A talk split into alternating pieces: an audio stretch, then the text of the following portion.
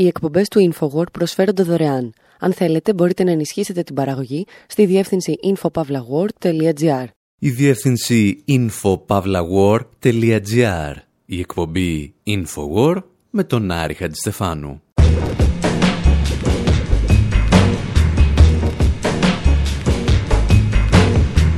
όπου σήμερα αναρωτιόμαστε πως μια χώρα σαν την Ελλάδα έφτασε να στέλνει όπλα στη Σαουδική Αραβία για να σκοτώνει γυναίκες και παιδιά στην Ιεμένη. Υποπτευόμαστε ότι το να είσαι συνένοχος στο μεγαλύτερο λοιμό και τη μεγαλύτερη επιδημία χολέρας που έχει γνωρίσει η ανθρωπότητα τις τελευταίες δεκαετίες δεν είναι κάτι που θέλεις να βάλεις στο βιογραφικό σου. Αναρωτιόμαστε εάν το Ριάντ θέλει να ξεκινήσει ένα νέο πόλεμο στη Μέση Ανατολή, βάζοντας το Ισραήλ να επιτεθεί στο Λίβανο και το Ιράν. Και ύστερα θυμόμαστε ιστορίες από αυτό που ο Πτολεμαίος θα αποκαλούσε «Ευδαίμον Αραβία». Συζητάμε για την κατάρα της Ιεμένης.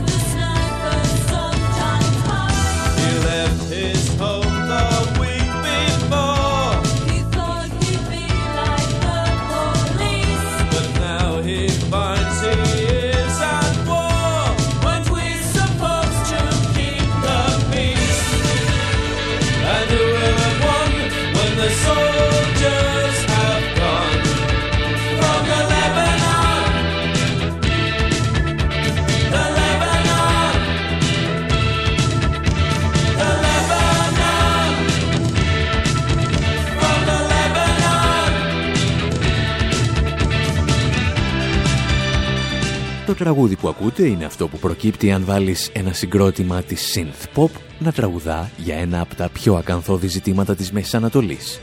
Μουσικά διάφορο, αλλά στοιχουργικά εξαιρετικό. Οι Human League τραγουδούν για τον εμφύλιο πόλεμο του Λιβάνου, επηρεασμένοι από τις φαγές που πραγματοποιήθηκαν στις αρχές της δεκαετίας του 80 με την παρότρενση ή την εμπλοκή του κράτους του Ισραήλ ξυπνάει, λέει, από τις κραυγές και τις ρουκέτες που περνούν από πάνω της. Βγαίνοντας από τον προσφυγικό καταβλισμό, κοιτάζει γύρω της και εκεί που βρισκόταν ένα μαγαζί, σήμερα κρύβεται ένας ελεύθερος σκοπευτής. Οι Human League τραγουδούν για τη σφαγή στον καταβλισμό Σάμπρα και Σατήλα, αλλά και τους ελεύθερους σκοπευτές που έσπερναν το θάνατο στους δρόμους της Βηρητού. Πριν από μερικούς μήνες επισκεφθήκαμε μία από τις θρηλυκές φωλιές των ελεύθερων σκοπευτών, το περίφημο Μπαρακάτ, στην καρδιά της πρωτεύουσας του Λιβάνου. Περπατώντας προς την πλατεία Σοντέκο δεν μπορείς παρά να παρατηρήσεις ένα διάτριτο από τις σφαίρες κτίριο του 1924. Το Μπαρακάτ έχει μετατραπεί σε μουσείο για τον εμφύλιο του Λιβάνου και το ερώτημα που απασχολεί τις τελευταίες ημέρες αρκετούς αναλυτές είναι εάν ο Λίβανος έχει την πολυτέλεια να θυμάται τον πόλεμο μόνο μέσα από τα μουσεία του. Από τις αρχές Νοεμβρίου ο Λίβανος βιώνει μία από τις πιο παρανοϊκές πολιτικές κρίσεις της ιστορίας του. Και η ιστορία του δεν έχει τίποτα άλλο από παρανοϊκές κρίσεις. Ο πρωθυπουργός της χώρας, Σαάντα Αλχαρίρη, εμφανίστηκε στην τηλεόραση και υπέβαλε την παρέτησή του, αφού πρώτα είπε βαριές κουβέντες για το Ιράν.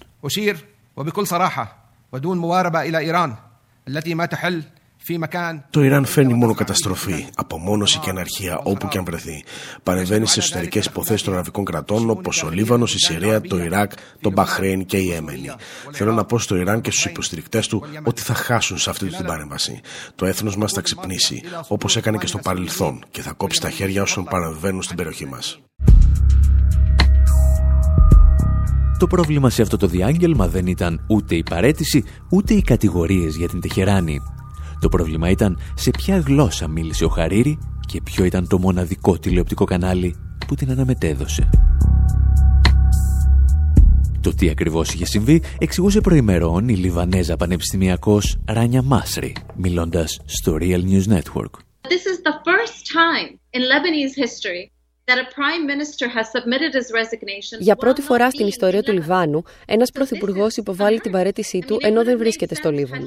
Θα έπρεπε να είχε παρετηθεί δίνοντας μια συνέντευξη τύπου από το Προεδρικό Μέγαρο. Αυτό θα ήταν φυσιολογικό. Αυτό συμβαίνει στα κυρίαρχα κράτη. Αντί γι' αυτό, οι Σαουδάραβες του είπαν να μπει αμέσως σε ένα αεροπλάνο για τη Σαουδική Αραβία. Ακύρωσε λοιπόν τι συναντήσει του, πήγε στη Σαουδική Αραβία και μαγνητοσκόπησε μια δήλωση. Δεν ήταν καν σε απευθεία σύνδεση. Ήταν μαγνητοσκοπημένη και μεταδόθηκε από τον τηλεοπτικό σταθμό Al Arabiya, όχι από κάποιο κανάλι του Λιβάνου.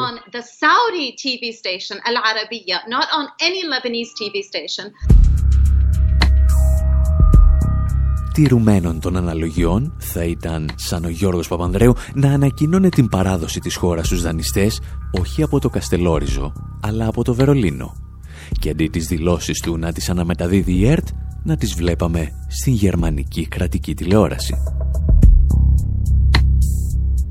Και επειδή μιλάμε για πρωθυπουργούς και προέδρους που δεν έχουν σαν μητρική γλώσσα τη γλώσσα της πατρίδας τους, αξίζει να σταθούμε σε μία ακόμη λεπτομέρεια του διαγγέλματος Χαρίρη. We also know that Saad al-Hariri never writes his own statements in Arabic. Γνωρίζουμε επίσης ότι ο Σαάντ Αλ-Χαρίρι δεν γράφει ποτέ τις δηλώσεις τους στα αραβικά γιατί είναι πολύ αδύναμο σε αυτή τη γλώσσα. Τις περισσότερες φορές τις γράφει στα αραβικά ο αδερφός του, ο οποίος όμως βρισκόταν στο Λίβανο και όχι στη Σαουδική Αραβία. Επίσης, πολλές από τις εκφράσεις που ακούσαμε στο διάγγελμα δεν χρησιμοποιούνται στο Λίβανο. Είναι σαν τις μικρές διαφορές ανάμεσα σε μια δήλωση που γράφτηκε από έναν Αμερικάνο και από έναν Άγγλο. Μπορεί να είναι κατανοητή, αλλά καταλαβαίνεις τη διαφορά. Η δήλωση λοιπόν που διάβασε είχε έντονα στοιχεία από τη διάλεκτο της Σαουδικής Αραβίας και όχι του Λιβάνου.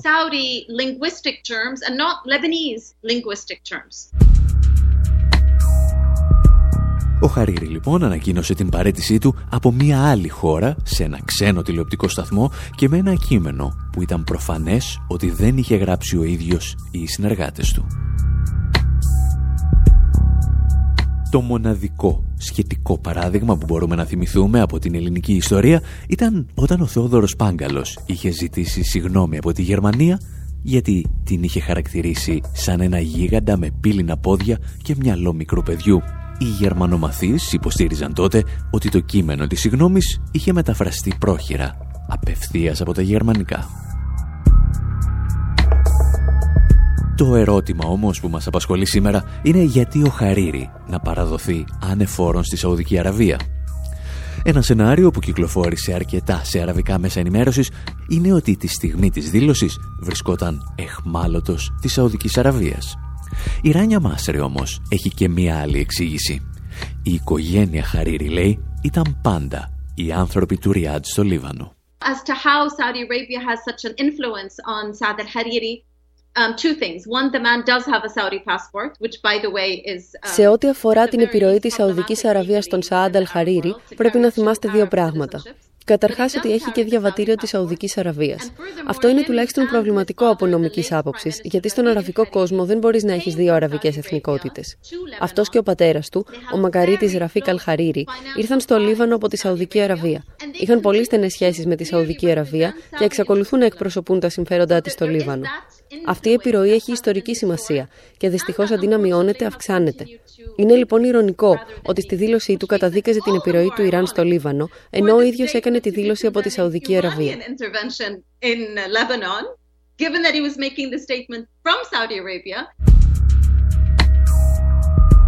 Η Σαουδική Αραβία λοιπόν αποφάσισε να προκαλέσει πολιτική αναταραχή στο Λίβανο και ο Χαρίρι είτε σαν εχμάλωτος είτε με δική του βούληση ανακοίνωσε την παρέτησή του.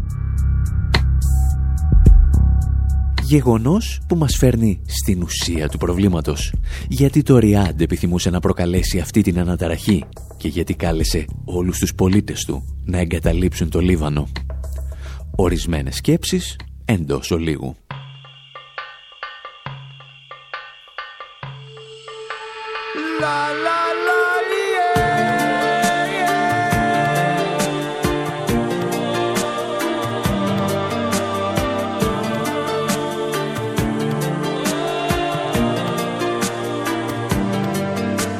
Has anybody ever been to Lebanon? Does anybody really care to go at all? Anybody want to go to Lebanon? Where you can read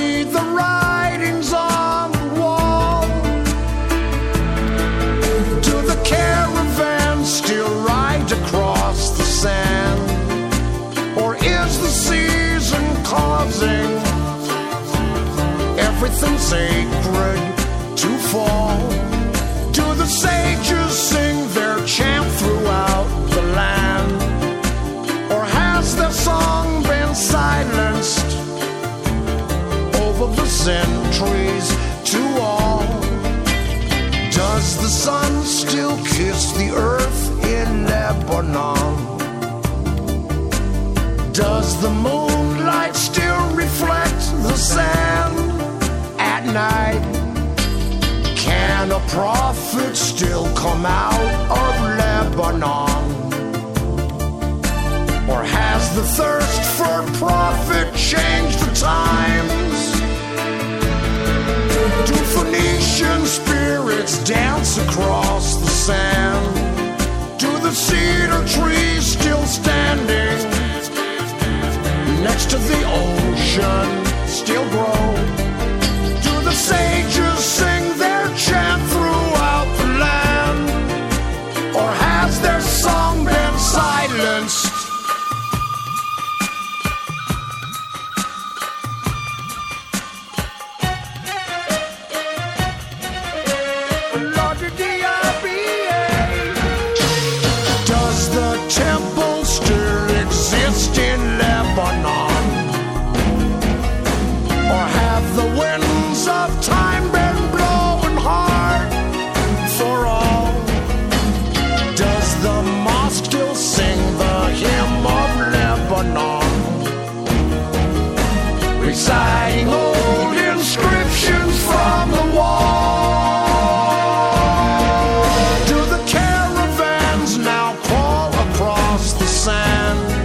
Ο Σκάτμαν Τζον τραγουδά για τον Λίβανο και εμείς στην εκπομπή Infowar με τον Άρη Χατζηστεφάνου αναρωτιόμαστε γιατί η Σαουδική Αραβία επιχειρεί να βυθίσει το Λίβανο στο πολιτικό χάος. Still hear the call. Πριν από μερικές ημέρες η Ισραηλινή εφημερίδα Haaretz έθεσε σε έναν τίτλο της ένα ερώτημα το οποίο ενδεχομένως εμπεριέχει την απάντηση και στους δικούς μας προβληματισμούς.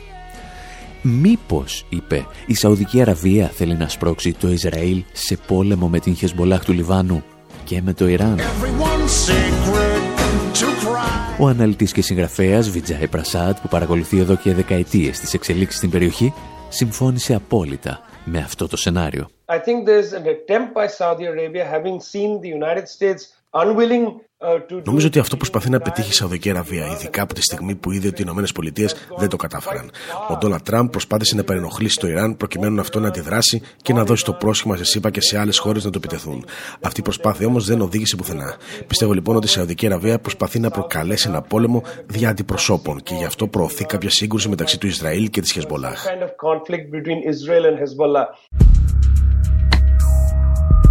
Το Ισραήλ βέβαια δεν χρειάζεται και ιδιαίτερο σπρόξιμο για να εμπλακεί σε έναν ακόμη πόλεμο με το Λίβανο, όπως έχει κάνει τόσες και τόσες φορές, σκοτώνοντας τόσες και τόσες χιλιάδες αμάχων.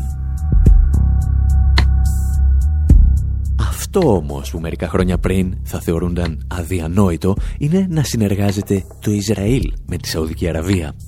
Ένα εβραϊκό κράτος με το βασίλειο του Αχαμπισμού, της πιο ακραίας μορφής του Σουνιτικού Ισλάμ.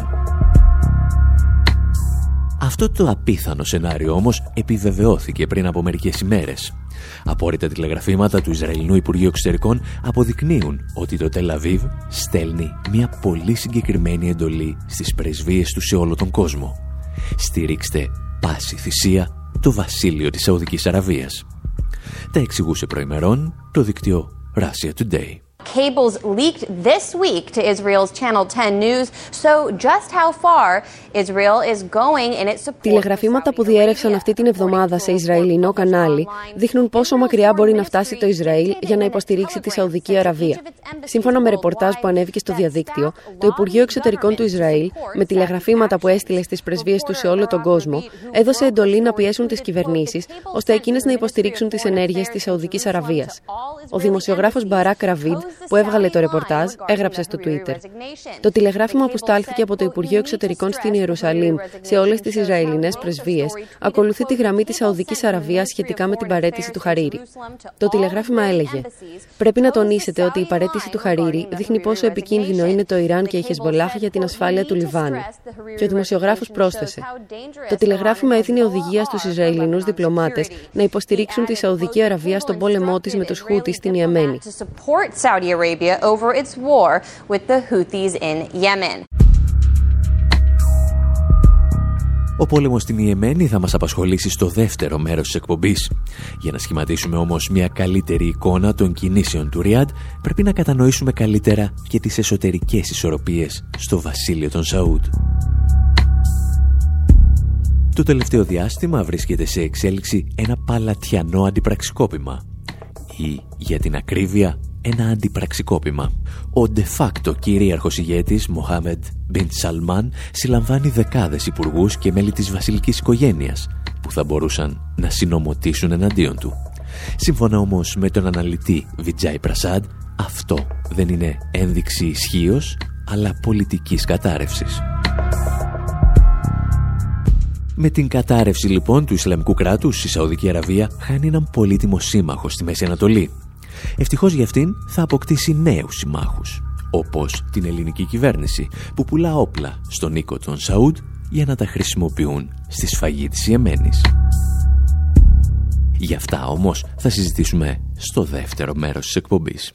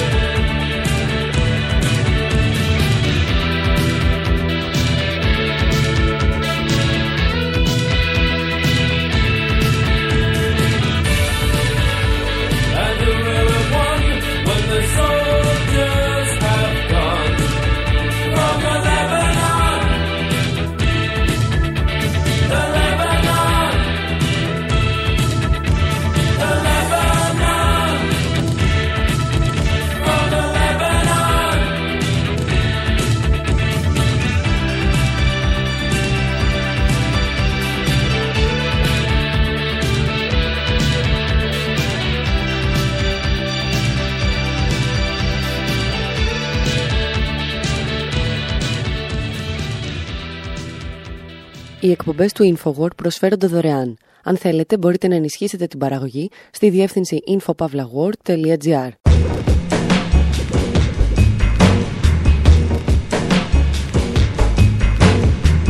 Εκπομπή InfoWar, μέρος δεύτερο όπου παρακολουθήσαμε τη Σαουδική Αραβία να δημιουργεί τις συνθήκες για το ξέσπασμα ενός ακόμη πολέμου στη Μέση Ανατολή, με πιθανότερους εμπλεκόμενους οι παρατηρητές, τη Χεσβολάχ, το Ισραήλ και το Ιράν.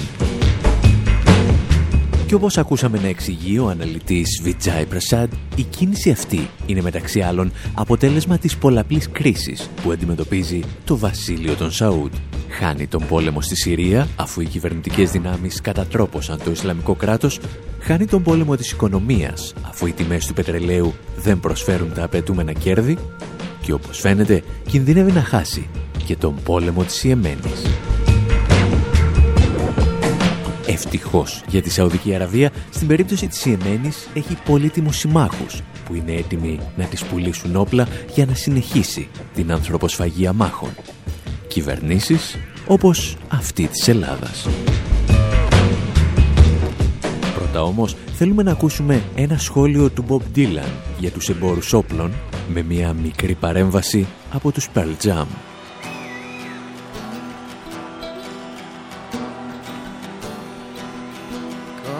Masters of war. You that build all the guns, you that build the death plays, you that build all the guns, you that hide behind walls,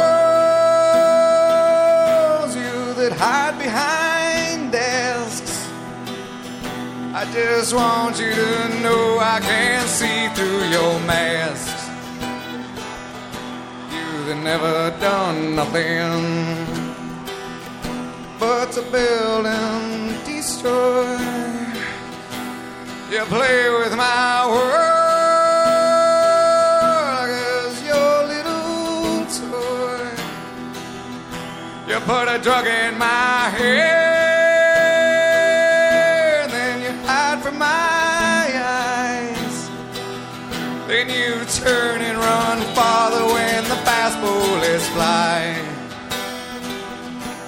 Like Judas Salvo, you lie in D.C. A world war can be won. You want me to believe, but I see through your eyes, and I see through your brain, like I see through the water that runs down my drain. You that fasten all the triggers for the others to fire. Then you sit back and watch while the death count gets higher. You hide in your mansion while young people's blood flows out of their bodies and is buried in the mud. You've thrown the worst fear that could ever be hurled. The fear to bring children into this world for threatening my baby. I'm born in a name. You ain't worth the blood that runs in your veins.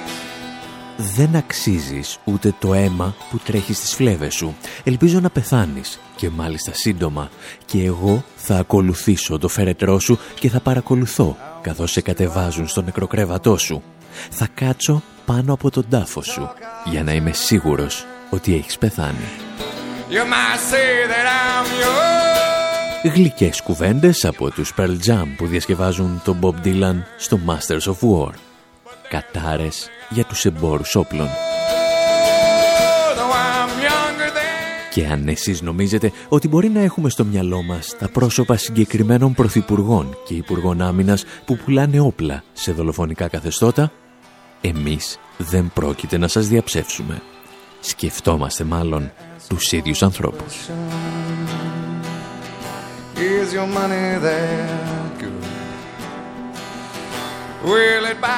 Το πρόβλημα είναι ότι ο Μπομπ Ντίλαν θα χρειαζόταν ένα ολόκληρο νεκροταφείο για να θάψει τους εμπόρους όπλων και τις κυβερνήσεις που εξοπλίζουν τη Σαουδική Αραβία. Από την έναρξη του πολέμου στην Ιεμένη, οι εισαγωγές οπλικών συστημάτων στη Σαουδική Αραβία τριπλασιάστηκαν και το γεγονός αυτό άλλαξε την αγορά οπλικών συστημάτων σε παγκόσμιο επίπεδο.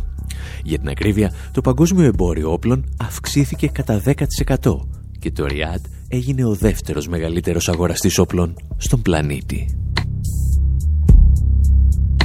Η συνήθις ύποπτη ήταν οι βιομηχανίες όπλων των Ηνωμένων Πολιτειών και της Βρετανίας που έκλεισαν συμβόλαια εκατοντάδων δισεκατομμυρίων δολαρίων. Όπως θα έλεγε όμως και μια παλιά παροιμία, μάθανε ότι σφαζόμαστε και πλάκωσαν και οι Ευρωπαίοι. Τουλάχιστον 10 χώρες της Ευρωπαϊκής Ένωσης άρχισαν να σχηματίζουν ουρές για να πουλήσουν όπλα στη Σαουδική Αραβία. Και οι ουρές μεγάλωναν καθώς γινόταν γνωστό ότι το Ριάντ χρησιμοποιούσε τα όπλα τους για να βομβαρδίζει σχολεία, νοσοκομεία και υπαίθριες αγορές. Όσο αυξάνονταν τα θύματα της χολέρας στην Ιεμένη, τόσο περισσότεροι Ευρωπαίοι ηγέτες ήθελαν να πουλάνε όπλα. Όσο ο ΙΕ προειδοποιούσε ότι 20 εκατομμύρια άνθρωποι στην Ιεμένη κινδυνεύουν από λοιμό, τόσο η Ευρωπαϊκή Ένωση έκανε τα στραβά μάτια στις χώρες μέλη που συνεργάζονταν με τον Νίκο τον Σαούντ. Γιατί, εάν δεν σας το είπαμε, η πώληση όπλων στη Σαουδική Αραβία είναι αντίθετη σε αποφάσεις του Συμβουλίου αλλά και του Ευρωπαϊκού Κοινοβουλίου. Το να περιμένεις βέβαια ότι η Ευρωπαϊκή Ένωση θα έβαζε πραγματικά τέλος στο εμπόριο όπλων προς τη Σαουδική Αραβία είναι κάτι που δεν θα πίστευαν ούτε οι πιο αφελείς, ούτε καν οι επίγονοι των Ευρωκομμουνιστών. Περισσότερα όμως για αυτά, όπως και για την εμπλοκή διαδοχικών ελληνικών κυβερνήσεων στην πώληση όπλων, μπορείτε να διαβάσετε στη σελίδα μας info.pavlawar.gr Γιατί εμείς σήμερα θέλουμε να δούμε πού καταλήγουν αυτά τα όπλα. Και δεν εννοούμε τη Σαουδική Αραβία, αλλά τους αμάχους της Ιεμένης, που βομβαρδίζονται σε καθημερινή βάση, εδώ και χρόνια. Περισσότερα εντός ολίγου.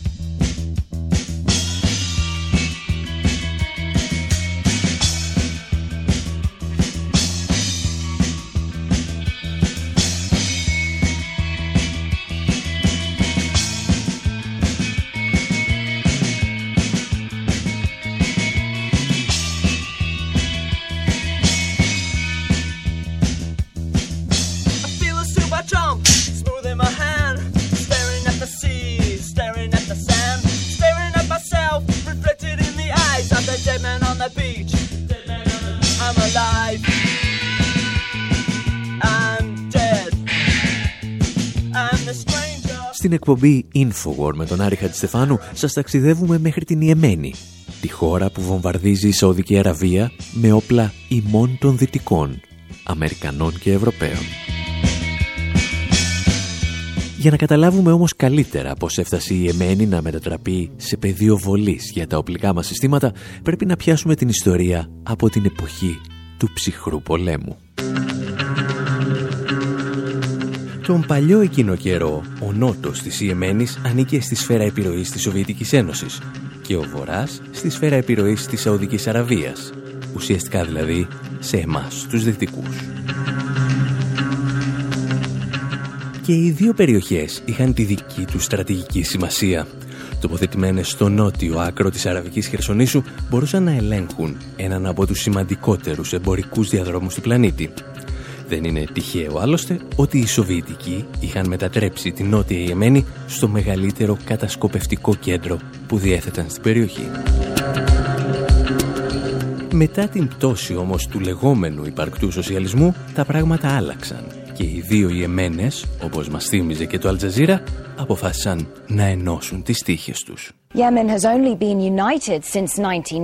Η Ιεμένη ενώθηκε ως κράτος μόλις το 1990. Παλαιότερα ήταν χωρισμένη στο βορρά και το νότο.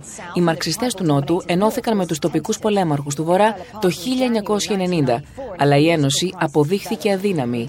Το 1994 μια πολιτική κρίση οδήγησε σε εμφύλιο πόλεμο. Οι σοσιαλιστές στο νότο ιτήθηκαν και αρκετοί πολιτικοί και στρατιωτικοί ηγέτες αναγκάστηκαν να εγκαταλείψουν τη χώρα. Έκτοτε, αρκετοί στο Νότο υποστηρίζουν ότι ζουν σε καθεστώς στρατιωτικής κατοχής και όχι σε μια ενωμένη χώρα.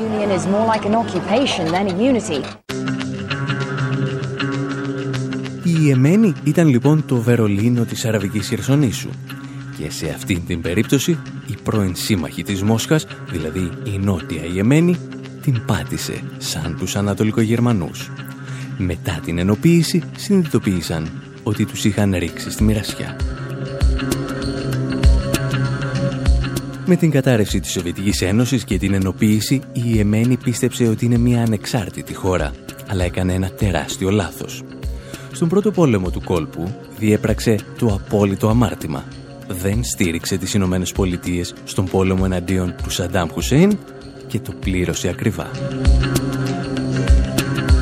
Για να την τιμωρήσει, η Σαουδική Αραβία απέλασε ένα εκατομμύριο κατοίκους της Ιεμένης που ζούσαν στα εδάφη της, σμπαραλιάζοντας έτσι κάθε ελπίδα ανάπτυξης για τη χώρα. Ύστερα από αυτό, η Ιεμένη ήταν έτοιμη να περάσει στην αγκαλιά ημών των Δυτικών. Μέσα σε λίγα χρόνια ο πρόεδρος Μπούς είχε μετατρέψει την Ιεμένη σε αμερικανική βάση. Για την ακρίβεια, όπως εξηγούσε το αμερικανικό δίκτυο MSNBC, η Ιεμένη ήταν κέντρο διερχομένων Αμερικανών διερχομένων. Το Σεπτέμβριο, ο Ομπάμα έστειλε στην Ιεμένη τον επικεφαλής της αντιτρομοκρατικής υπηρεσίας Τζον Μπρέναν. Την ίδια περίοδο πραγματοποίησε απροειδοποίητη επίσκεψη στην Ιεμένη και ο στρατηγός Ντέιβιντ Πετρέους, ο επικεφαλής της κεντρικής διοίκησης του Πενταγώνου. Και να μην ξεχάσουμε να σας πούμε ότι βομβαρδίζουμε την Ιεμένη. Σύμφωνα τουλάχιστον με την κυβέρνησή μας, παρέχουμε στην κυβέρνηση της Ιεμένης τον εξοπλισμό για τους βομβαρδισμούς. Βομβαρδίσαμε την Ιεμένη ενήμερα τα Χριστούγεννα και το είχαμε κάνει και μία εβδομάδα νωρίτερα. Ο Αμερικανός πρόεδρος διέταξε προσωπικά τις πυραυλικές επιθέσεις. Οι μυστικοί Αμερικανικοί βομβαρδισμοί στην Ιεμένη ξεκίνησαν το 2002, αλλά κλιμακώθηκαν δραματικά επί Προεδρίας Ομπάμα. Ποιους σκότωναν όμως οι Αμερικανικές δυνάμεις στην Ιεμένη και κυρίως γιατί το έκαναν, αφού όπως έλεγε και ένα παλιό ανέκδοτο δεν τους τρώνε. Θεωρητικά, οι επιχειρήσεις των τελευταίων χρόνων αφορούν στόχους της Αλκάιντα και άλλους τζιχαντιστές, το οποίο ενδέχεται να μην είναι τελείως αναλυθές, μόνο που ως συνήθως η ιστορία είναι ελαφρώς πιο σύνθετη. Για χρόνια η φιλοαμερικανική κεντρική κυβέρνηση απειλούνταν από δύο μέτωπα. Από τους κατοίκους του Νότου που ζητούσαν μεγαλύτερη αυτονομία και από τοπικές φυλές στο Βορρά, τους περίφημους Χούτι. Τα δυτικά μέσα ενημέρωσης συνήθιζαν να παρουσιάζουν τις δύο αυτές ομάδες σαν δύο αντίπαλα στρατόπεδα. Όπως εξηγούσε όμως ο αναλυτής Αμπτέλ Ουαχάμπ Αλαφέντι από το Πανεπιστήμιο του Westminster στο Λονδίνο, τα πράγματα δεν είναι τόσο απλά όσο μας τα παρουσίαζαν. I don't think this is an issue, a south-north uh, issue. Δεν νομίζω ότι το ζήτημα αφορά μόνο τις διαφορές μεταξύ του Βορρά και του Νότου. Αφορά τον τρόπο με τον οποίο η κεντρική κυβέρνηση αντιμετωπίζει τον πληθυσμό. Πρόκειται για ένα καθεστώς που συγκεντρώνει όλη την εξουσία σε ένα άτομο. Η αντιπολίτευση στο Βορρά και στο Νότο προσπάθησε να ενωθεί απέναντι σε αυτό το καθεστώς. Οι αντιδράσεις είναι λοιπόν γενικευμένες, αλλά φυσικά σε κάθε περιοχή λαμβάνουν διαφορετικά χαρακτηριστικά. Δικτατορικά και αυταρχικά καθεστώτα όπως αυτό της Ιεμένης συγκεντρώνουν όλες τις εξουσίες με τρόπο που επηρεάζει ολόκληρο ολόκληρο τον πληθυσμό.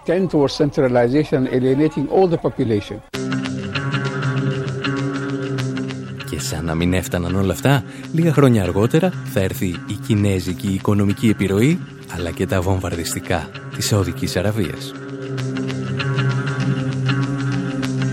Στην Ιεμένη διεξάγεται πλέον ένας διπλός ψυχρός πόλεμος, αυτή τη φορά για την κυριαρχία στην ευρύτερη Μέση Ανατολή η Σαουδική Αραβία μάχεται την επιρροή του Ιράν, ισοπεδώνοντας τα πάντα στο πέρασμά της.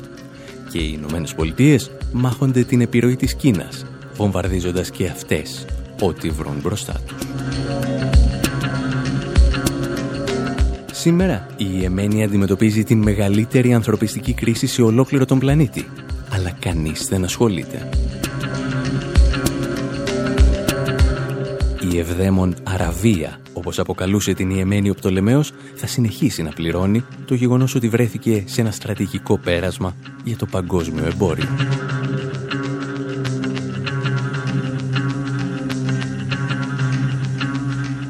Ακόμη και αυτή η ανθρωποσφαγή στην Ιεμένη όμως έχει κάποια όρια. Όχι φυσικά γιατί η Σαουδική Αραβία λυπήθηκε τα εκατομμύρια αμάχων, αλλά γιατί η Ιεμένη απειλεί να μετατραπεί στο δικό της Βιετνάμ. Πληροφορίες σε αραβικά μέσα ενημέρωσης ανέφεραν ότι ο πρόεδρος της Ιεμένης βρίσκεται σε κατοίκον περιορισμό από τη Σαουδική Αραβία. Βλέποντας ίσως ότι ο πόλεμος δεν μπορεί να κερδιθεί, το Ριάντ εγκαταλείπει τους πρώην συμμάχους του και ίσως ετοιμάζει την σταδιακή απαγκίστρωση από την περιοχή.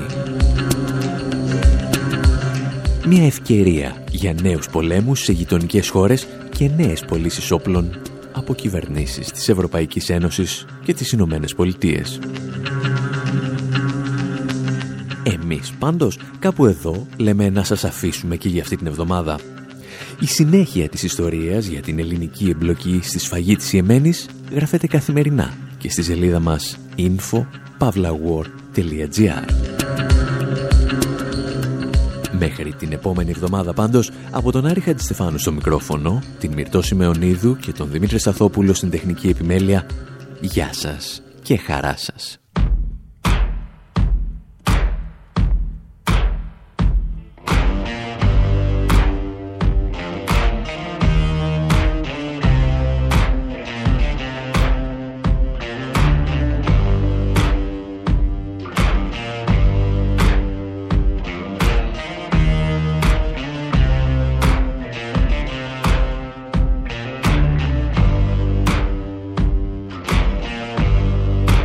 that color in your cheeks? Do you ever get that feel that you can't shift the tide that sticks around like summer in your teeth? Are there some aces up your sleeve? Have you no idea that you're in deep? I dreamt about you nearly every night this week. How many secrets can you keep? There's this tune I found that makes me think of you somehow, and I play it on repeat until I fall asleep, spilling drinks on my settee. Do I wanna know if this feeling flows both ways?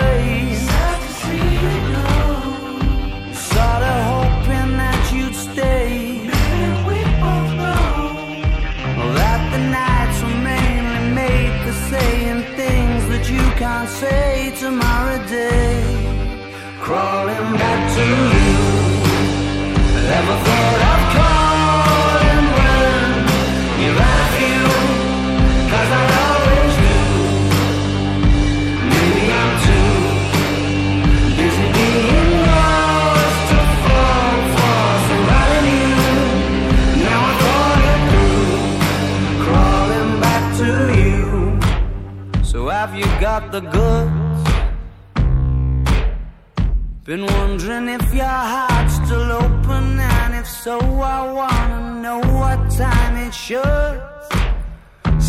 Down and poker up. I'm sorry to interrupt, it's just I'm constantly on the cusp. I've tried and to kiss you. I don't know if you feel the same as I do. But we could be together if you wanted to.